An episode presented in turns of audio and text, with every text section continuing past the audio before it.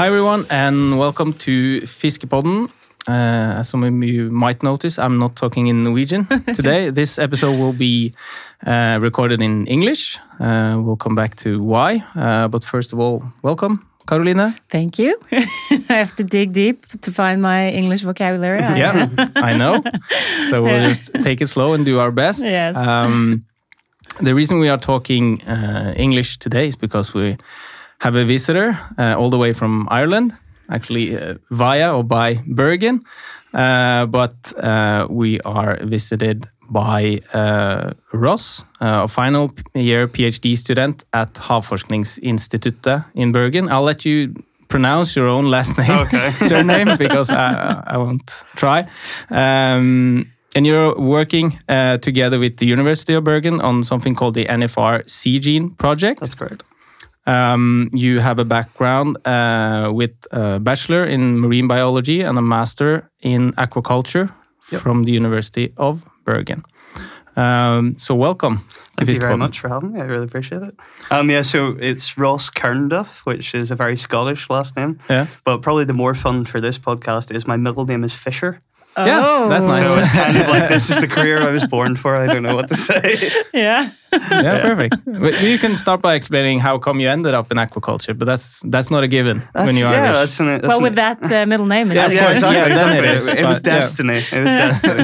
um, no, so I, um, like I said, I, I did my degree in marine biology in, in the University of Aberdeen in Scotland, and um, came to the end of that and realised that how am I going to get a job with this degree? and um, I have one of my um, professors that was at the university is a very big works a lot with the University of Bergen, and he said that there's this aquaculture program that's really really interesting, very very good and very very top notch. And I, the one thing I always wanted to be able to do was to make, in the long term, was to be able to help sort of feed people. That was one thing I sort of hoped to do with it, and um, yeah, it's now been six years that I've been here. so yeah, there you go. Stuck in Norway. Yeah. Yeah. It's a good place to enjoying be stuck. enjoying enjoying being stuck here. Yeah, enjoying yeah. it. Yeah. And uh, well, we're very excited to hear about this uh, project. It's uh, quite complicated. I had to, uh, you know, read it a Yeah. couple of times, but uh, you will tell us a little bit more about it. It's about uh, uh, comparing, uh, and uh, now you have to help me. Is it anadromous? Yes, yes, yes, right? Uh, populations with uh, what you call landlocked Yeah. populations. So, can you just explain a little about Yeah, the, yeah. the, the populations? Because- Exactly. Yeah. So Mhm. basically, um, what you have in salmon, the traditional life cycle, as I'm sure everybody listening knows, is they go through a series of changes um, when they leave the rivers, and then they go out to the sea for couple of years, and then they come back to spawn in the rivers again, and that process is known as smoltification. And basically, what that process involves is a lot of changes, in particular to adapt to salt water. Um, so you have changes physically, you have changes with their behavior, and all these sorts of things. And what you have, that whole life strategy is called anadromy or anadromous. You also have catadromous, which is the opposite, but that's another topic for another day. Um, but basically, what you have is so your traditional farm stock, that's what we've always used. And then, um, but what you found was about 10,000 years ago during the last ice age, there were a couple of different populations. There's a number of them spread out across the northern hemisphere. Where these populations of salmon were in their sort of river or um, lake part of the life cycle, and then they effectively became stuck, so they couldn't go out to sea anymore. And as a result of that, they've then grown and developed sort of a life history that's very different than the typical salmon that we would have in farms.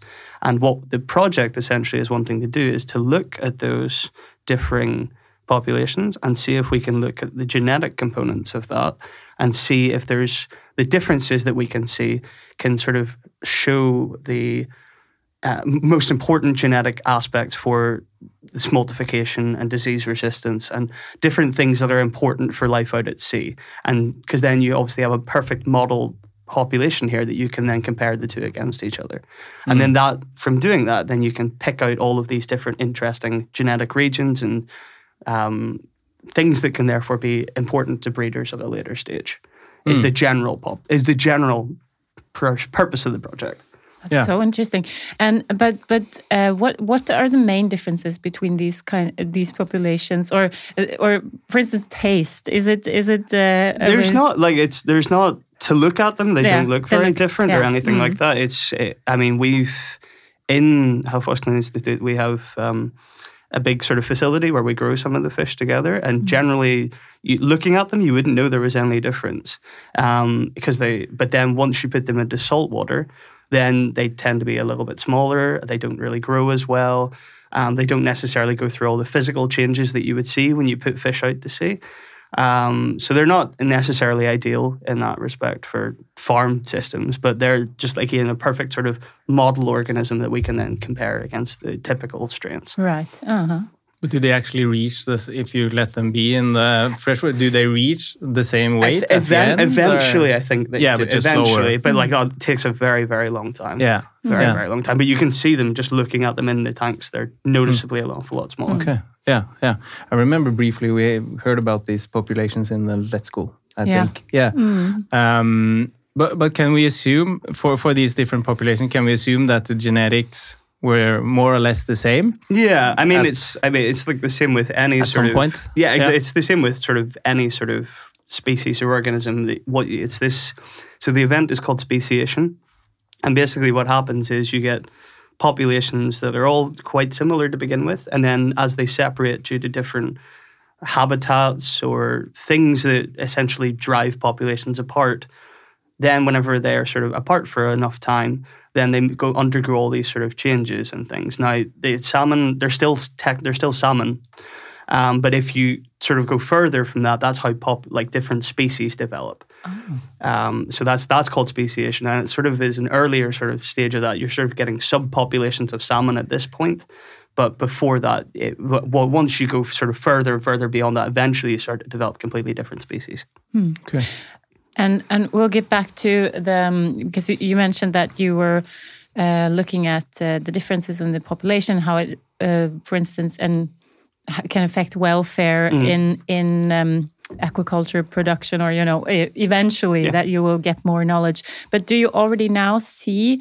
A difference in welfare issues and disease uh, differences between these two populations. so we, essentially what we've then done is so this project sort of started back at, in 2020 just before 2020 it's sort of 2019 before I joined the project. I joined the project in 2020 and what they have done as part of the project is they've collected a bunch of genetic material and physical material from populations across the northern hemisphere.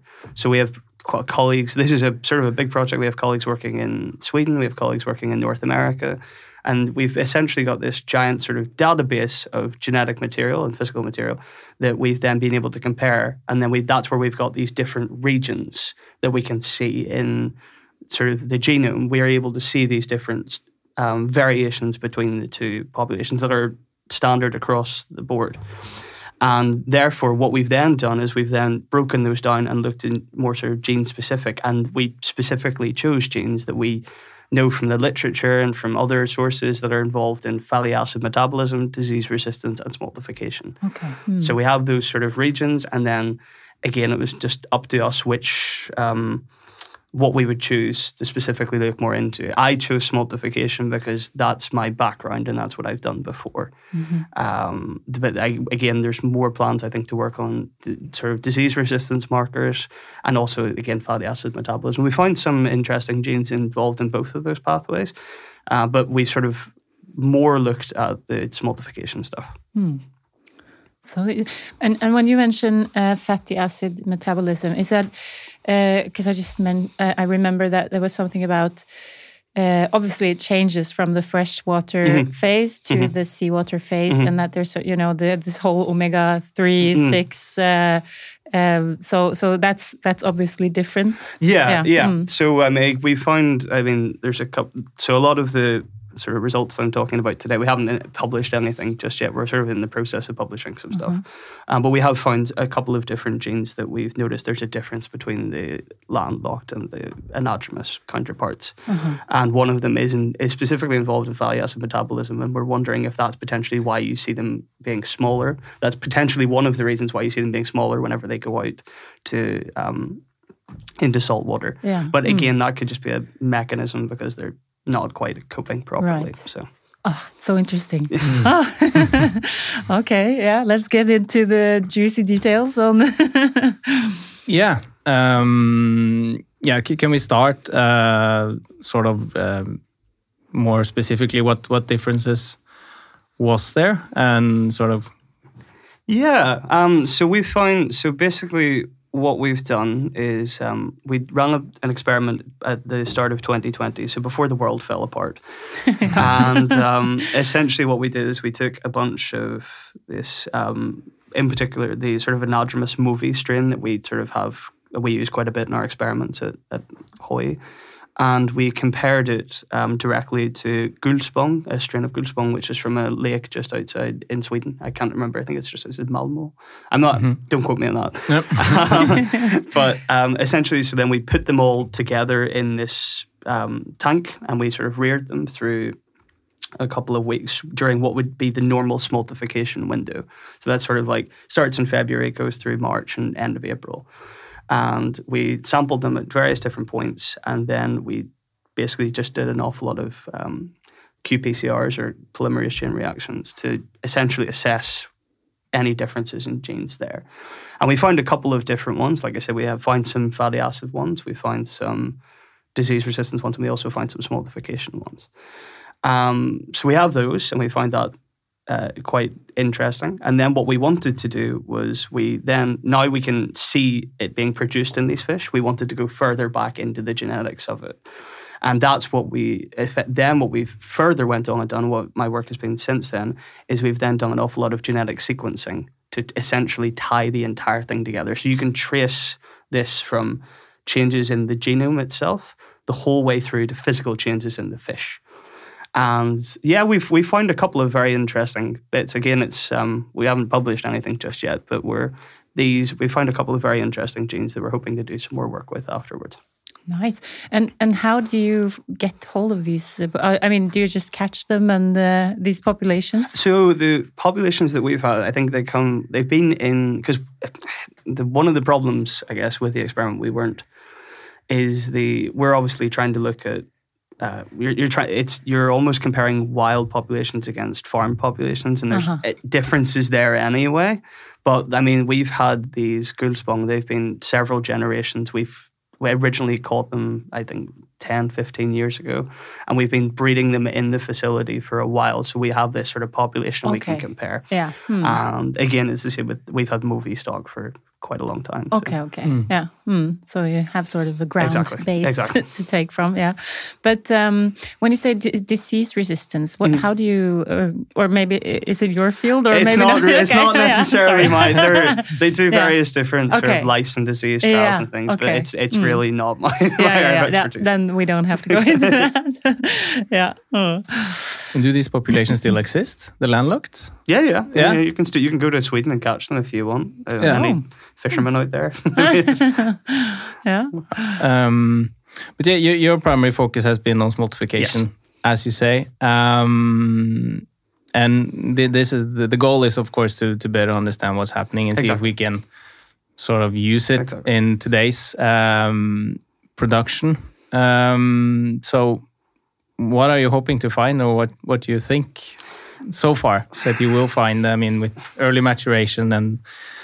I know you work with both that and elevated steroid levels. and- Yeah, so that was sort of a separate project I did during my masters, and effectively what we did there was we looked at um, obviously early maturation is a big problem in the industry, and one of the key things that it affects is smoltification. So you see a huge number of fish that die whenever they get to the saltwater phase, and that's because that smoltification process, those mechanisms are very um, sensitive to various different changes. And by, um, in particular, looking at sort of elevated levels of testosterone and estradiol and things like that, you're effectively causing changes to this smoltification process. That means they aren't adapted whenever they go out to sea. Um, so that's one. That's essentially how we got started into sort of looking at smoltification and the various different pathways. Um, but it's just I, the main reason we sort of look at it is just because it's one of it. I think it's it's certainly one of the leading causes for mortality when the smolts get out to sea. Hmm. And that's the main reason that that's such an important thing to try and get right and to make sure it's fixed. Um, and that's essentially why we look at it as, as much as we do. Yeah. Do you know? I mean, this this early um, maturation or um, uh, in uh, in wild populations. How often is it? I mean, we know it's a problem in the in the production or in, in, in the industry, but but uh, because smoltification is such a complex process and Yeah. it's so important also because it's you know the fish getting ready for the sea. Uh, opening up to new bacteria, developing the immune system. Um, how do we know anything about how often it sort of goes wrong with the wild population versus the the land-based production, or is it because we, do something the, wrong? the- the- um, other researchers might. I'm not 100% yeah, sure. yeah. Okay, yeah, because uh, it's. Um, I was just thinking because. Uh, like you mentioned, we, we do so many things Mm. uh, prior to you know in order to to start this smoltification Exactly. process. So it, it it must be also something that we do in our production. Well, this is one of the problem. One of the major problems with, and I'm, I'm going to make lots of enemies in the industry here, but one of the problems with um, the so obviously bringing fish to with the light regimes in the photo period. Yeah. Um, one of the problems is then obviously you get these fish. You're trying to grow them as big as possible, as quickly as possible, because that's what you want intense, in yeah. the industry, and that obviously leads to a variety of different problems. And one of the problems, therefore, that can come from that is that they undergo sort of premature maturation, Mm-hmm. and then that causes problems later on down the line. Hmm. Yeah. Because it, we, we learned about these, uh, what what do they call them, sneaky fuckers? Or Oh. in the? Sneaker males. Sneaker Sneaker, males. males. Yeah, yeah. Sorry, sorry about no, that. No, no, no. I mean, sneaky fuckers, you can go with that as well. but uh, yeah, mm, it's uh, it happens. Yeah. yeah. So can you say like uh, one of these are are one of these populations more resistant? Are there any pros of being landlocked? Because it seems uh, just looking at it simply it doesn't. But Um, could it be? Again, I guess it depends what in what context, right? Yeah. Because I think like, again, what we've noticed in there, what we've sort of grown and we've looked at the fish, like I said, are an awful lot smaller than your Mm. sort of normal farmed fare. Um, I don't, I don't, I can't see it becoming like a huge sort of to the same like they're not going to switch what we currently have with landlocked No, populations. course, yeah. Not at least that I would imagine. No. I would imagine they're just again for us they're more just a perfect sort of model species that we can therefore Right. look out for comparing the differences and highlighting the changes. Learn more about the basic Exactly. uh, mechas- me- mechanisms. Yeah. Yeah. Uh, okay. So so then these genes were broken down and uh, into different tissues. Yeah, Yeah. Can yeah. you tell us a little bit? yeah, yeah. So um, then obviously with when it comes to smoltification and it comes to these changes in the fish, there's different tissues that are more important than others, right? Um, so in particular, if you're looking at fatty acid metabolism, you want to look at the muscle for things like Yeah. that.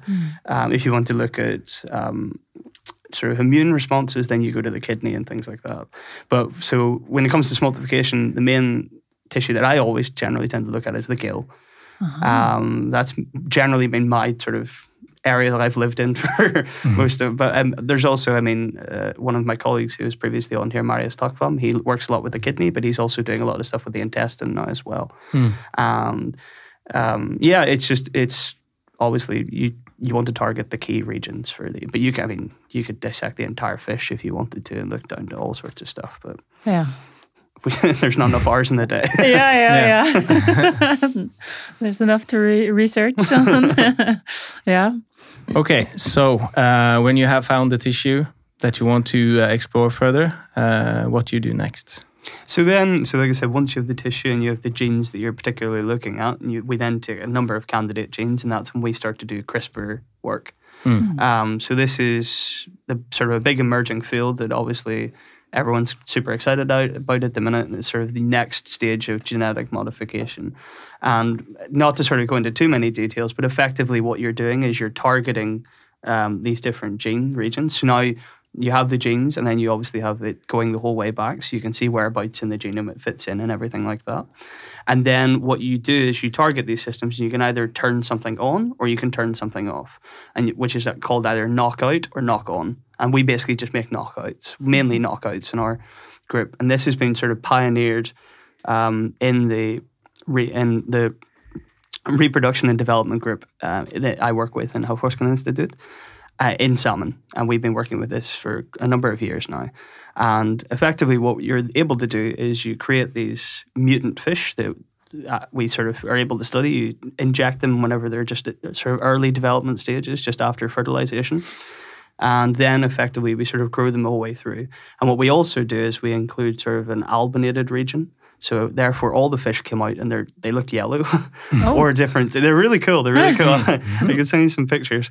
Um, but then, so you're able to once you're looking at them later on, you're able to do a visual analysis of how many mutant fish you actually have without having to actually start doing things with them. And then once you get to that point, then you're able to start running them through experiments and things like that. So that's what. So we've done some of that as part of this project. Now, none of the genes that I specifically have found initially, we've done it with um, sodium ATPase. Um, which is very important in smoltification.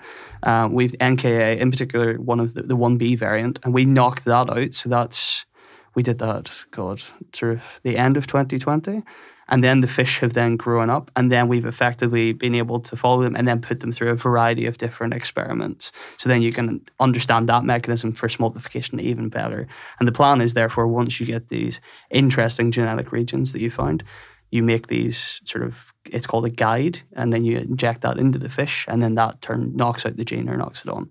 So then once you get to the point of smoltification or things like that, then you could put them through a variety of different tests and measures and things like. And it's really, really cool and exciting work. Wow. Really fun. Yeah, that's uh, that's pretty advanced. yeah. Yeah. But I, I mean, and obviously, I mean, you're in, in the beginning of you know figuring out how this Exactly. puzzle is uh, sort of uh, matching together. So I guess it's not so easy to say how exactly, uh, in practical sense, this can sort of. I mean, you know, the welfare aspect, uh, for instance, or the how it will affect the the industry, or, or Exactly, exactly. Like I said, the, we're Mm. sort of very sort of early stage, but I mean, like I said, they've been doing a whole. I can get some of my colleagues in here to talk about some of the other stuff they've been Yeah. doing about making sort of other types of knockouts and things. They're very interesting, but it's just it's it's great because you can then you you have again these model organisms you can then run a whole variety of different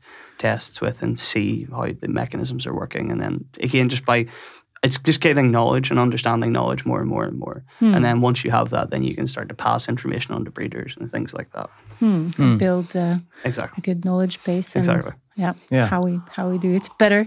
But I'm thinking. Uh, I mean. Obviously, CRISPR technology is not used uh, in Exactly. in uh, in yeah in the industry and and because it's because of the bio It's GMO. GMO yeah. but Yeah. but uh, but I'm thinking maybe one day we could just you know cut out the whole lice. Uh, that would be nice. That- yeah, There, there is a, I know there is a project that, Yeah, that's yeah, on the up and coming so Yeah. we'll see, Yeah. we'll see. Yeah, it's Yeah, but even though, yeah, sorry. no, sorry. Yeah. Uh, even though we can't use like the CRISPR to actually improve production in that way to to sort of knock on knock off uh, genes that we don't like, we could probably when we learn more, as you say, and we get like uh, if we could call it a map of the different genes, and then you can probably breeders can use this information Exactly. if you sequence. That's the ge- that's the general idea. That's Yeah. the general idea. Um, so it's just effectively trying to give them as much information that we can find for improving these systems and just generally improving the breed as a whole. Because obviously, the one of the big things you just want is to improve the welfare any chance you get. Because obviously, once you improve, as you improve the welfare, that allows the industry to grow in a more sustainable manner. Mm, mm, So it is about, I mean, in, in your um, case, uh, talking about smoltification, it's about understanding the smoltification process because the smoltification in itself is maybe not the problem, but the way we sort of, uh, you know, you do it and affect uh, the fish in the industry and understanding it better, putting it, making biology come first and, and doing the Mm. right Exactly. things. Yeah. Mm. Yeah, and also it seems like a lot of people are doing it in different ways. So maybe Yeah. we can sort of have what is Exactly. It's the always- more or less But ideal way so to- for much- them to see. And in yeah. particular, in particular in Norway, there's so much research Yeah, attention paid yeah. to this Mm. stuff, and it's it's really good because then you get different. We can all just work together and find the best way possible forward. Mm. Mm. Yeah. Wow, interesting. it's uh, so cool. We're very happy that uh, guys like you are uh, working on this. yeah, it's very good, Yeah. and uh, we look forward to to seeing how it uh, continues, Yeah. and uh, and hopefully there will be uh, a lot of new knowledge, uh, both on smoltification, but also on other aspects that will help with uh, Definitely. Hmm. ultimately better welfare and production. Yes. Yeah. Yeah. Good. Um, thank you again, Ross, for Thank you. coming to visit us in Fiskepodden. I It's very appreciate it. great having you here, and good luck with your further work. Thank you very Yes. much. and to all our listeners, we'll uh, talk. Uh, how do you say? We heard it. we'll, hear We each, hear- each other in uh, in a month. Uh, until then, you can contact us on uh, Facebook, Instagram, and at Fiskpodden uh, at uh, veso.no. Yes. Bye bye. Bye bye. Ha det. Ha det, ja.